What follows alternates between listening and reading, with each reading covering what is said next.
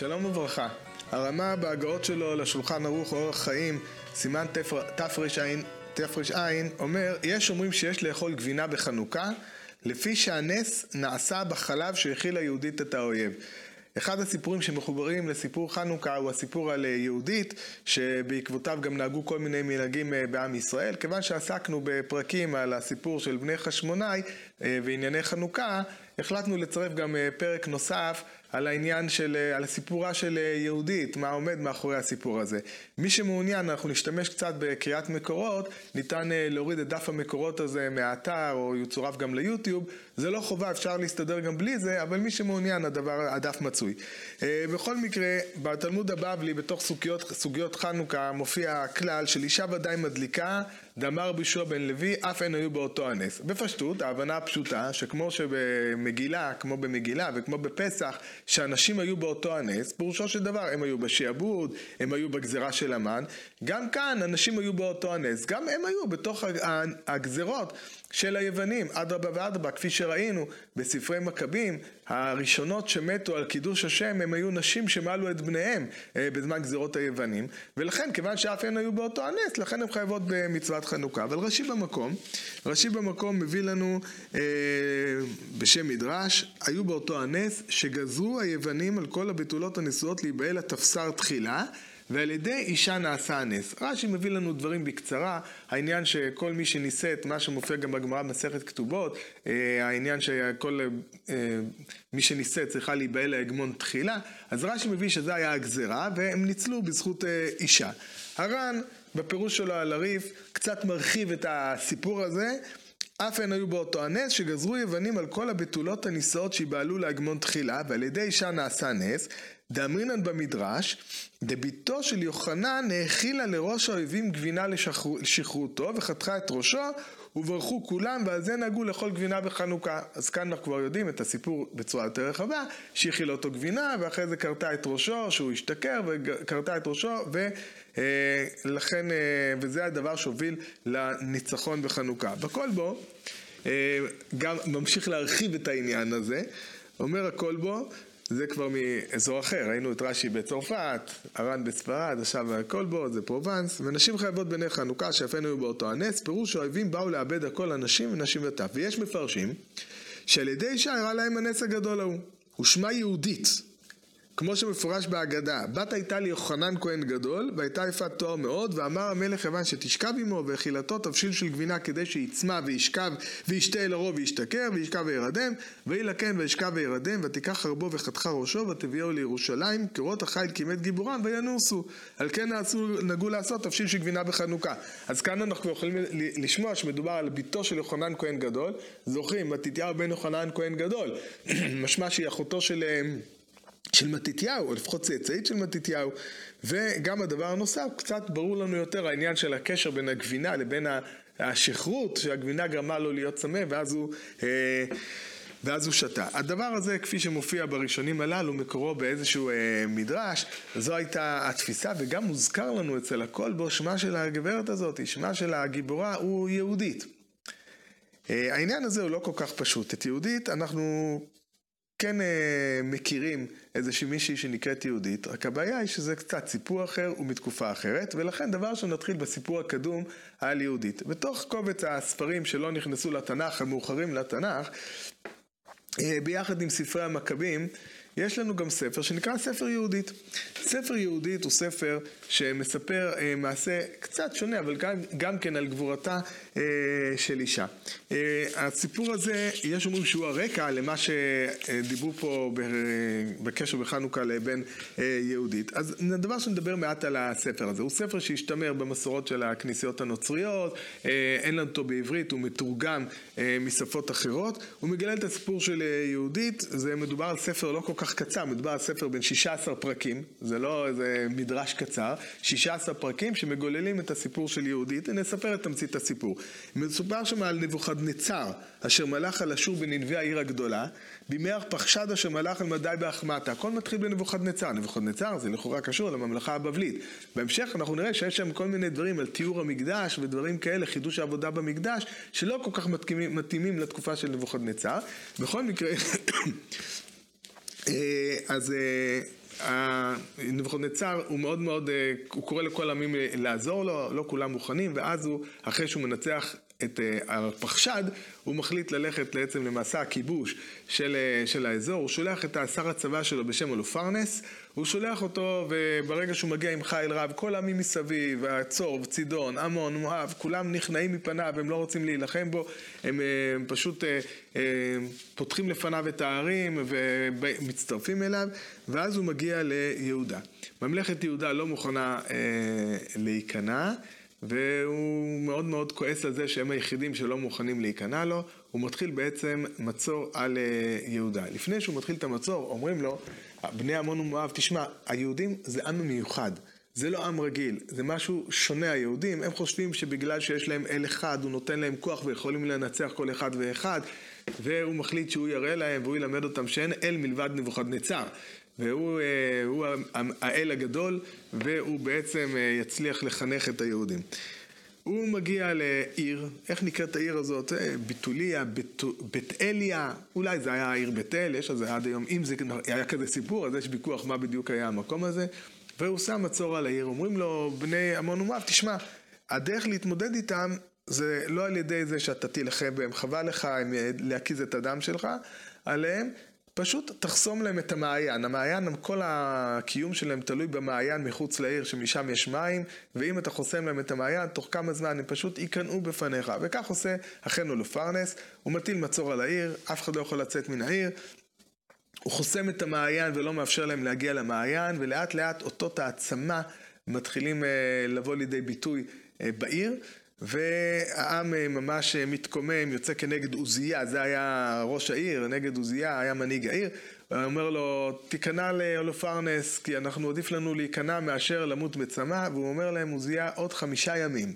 עוד חמישה ימים, אם לא תהיה לנו תשועה תוך חמישה ימים, אנחנו ניכנע לאולופרנס. כאן נכנסת לתמונה יהודית. יהודית הייתה אישה אה, אלמנה ועשירה, מאוד מאוד מאוד יפה, לפי התיאור כמובן, והיא אה, מאוד כואבת את העניין הזה שיקנו לו לפרנס, היא באה לעוזיה ואומרת לו, למה אתה נכנע? למה אתה רוצה להיכנע לו? מהשם תהיה תשועה, ואז אחרי שהיא מתפללת ונופלת על פניה ומתאבלת, היא אומרת לו, תן לי חמישה ימים, תן לי לצאת מהעיר, אם תוך חמישה ימים לא תהיה תשועה, אז כאמור אה, תיכנע.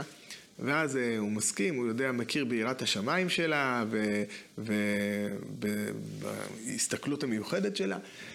והיא יוצאת ביחד עם הנערה שלה, ביחד עם המשרתת שלה, לוקחת איתה צידה, צידה לאכול, שאין לה מה לאכול, לוקחת איתה קצת יין, ומגיעה, מתקרבת לכיוון המחנה של, ה, של אה, אולופרנס. השומרים שפוגשים אותה, אומרת להם, אני באתי, באתי לאולופרנס, אני החלטתי לברוח מיהודים, אני יודעת שאין ליהודים שום תקווה, ובאתי לאולופרנס, ותביאו אותי אליו, כדי שאני אוכל להסביר לו איך לכבוש את היהודים. הם מאוד מאוד מתרשמים מהיופי שלה, מביאים אותה לאולופרנס, והיא אומרת לו, שגם מאוד מאוד מתלהב מהיופי שלה, והיא אומרת לו לפרנס, תשמע, היהודים האלה, כל עוד הם לא חוטאים, אי אפשר לנצח אותם. תן לי כמה ימים לשבת אצלך שלושה ימים, תרשה לי כל יום ללכת למעיין, לטבול ולהיטהר, ואני אגיד לך מתי אפשר לנצח אותם כי הם חוטאים. ואז אלופרנס אה, מסכים לדבר הזה, מורה לאפשר לה מתי כל ערב לצאת אה, למעיין אה, ולא להפריע לה. היא יושבת שמה בימים האלה. ואז אלופרנס רואה שהימים מתקרבים, אה, שלושת הימים האלה הולכים להיגמר, והוא מאוד מאוד חושק בה. ואז הוא מחליט לעשות משתה גדול, עושה משתה גדול לכל העבדים שלו, מזמין גם אותה למשתה הזה, שתבוא ותאכל ותשתה איתם. אה, היא מגיעה למשתה, כמובן לא אוכלת שום דבר ממה שיש שם, יש לה את האוכל שלה ואת השתייה שלה, ואולופרנס מאוד מאוד מתלהב, והוא שותה כמו שהוא לא שתה מעולם מימיו, והוא ממש בשכרות, במצב שכרות מאוד מאוד מאוד אה, חריף, וכל העבדים שלו עוזבים אותו, משאירים אותו לבד בחדר, ורק היא נשארת איתו בחדר. וברגע שהוא משתכר ונרדם, היא מתפללת להשם, לוקחת את החרב שלו, כורתת את ראשו, נותנת את הראש אה, למשרתת שלה ומכניסות אותו לתיק ויוצאת החוצה, הולכת למעיין, כי הרי הרשו לה כל יום ללכת למעיין, אבל במקום למעיין היא עולה לתוך העיר, קוראת שיפתחו לה את השערים ומראה לכל ראשי העיר את, את הראש שלו לפרנס, הם תולים אותו על החומה מבחוץ ובבוקר שרואים ה... הבבלים, האשורים, רואים את הראש שלו, הם פשוט בורחים משם אה, והולכים.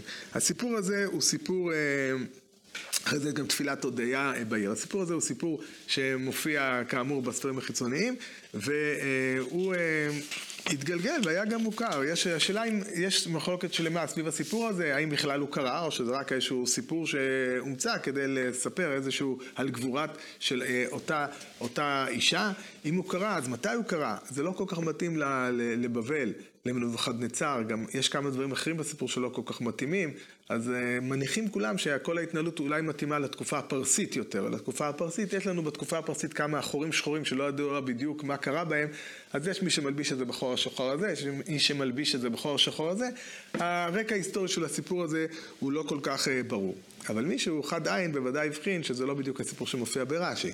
אין פה גזירה של הבתולה להיבהל להגמון תחילה, ולא מה שנקרא אה, גזירת אה, הלילה הראשון. מסופר, נדבר על זה אחרי זה, על הגזירה הזאת. מסופר פה על יהודייה שהתנדבה והלכה ובעצם הצליחה להרוג את. המלך, את השליט הצבאי, את אה, אולופרנס. והשאלה הגדולה אם זה אותו סיפור. הסיפור שמופיע ברש"י, מופיע בראשונים, זה סיפור שמבוסס על זכות, מה שנקרא זכות הלילה הראשון, זו זכות שקיימת עוד אה, בעלילות גילגמש, זה מופיע, ספר מאוד מאוד מאוד קדום מבחינת התרבות אה, בעולם, וזה אחרי זה דבר שמופיע קם לנו וכמה וכמה תרבויות, הרבה מאוד פעמים זה רק סיפורים על תרבות קלוקלת שנעשו בדברים האלה. ונציין שזה לא כל כך מתאים למה שאנחנו מכירים מהתרבות היוונית. זה אולי יכול להתאים לפרסים, מתאים אחרי זה לרומאים. בתרבות היוונית לא שמענו על אה, דרכי התנהלות כזאת, אה, של אה, מה שנקרא זכות הלילה הראשון. והדבר הזה הוא שונה לחלוטין מהסיפור של יהודית. אז מה היחס בין הסיפורים האלה? האם מדובר פה על אותו סיפור, על סיפור אחר? מציין, מעניין הוא שבשאילתות דרב חי גאון בשאילתה על חנוכה, אכן מופיעים הסיפורים האלה. מופיעים אבל שני הסיפורים. בהתחלה מופיע תנו רבנן בימי מלכות יוון הרשעה גזרו שמד על ישראל שלא עסקו בתורה וכולי, ועוד גזרו שכל מי שנושא אישה שיוליך אותה לפני המלך ויבול אותה בתחילה ואחר כך תחזור לבעלה.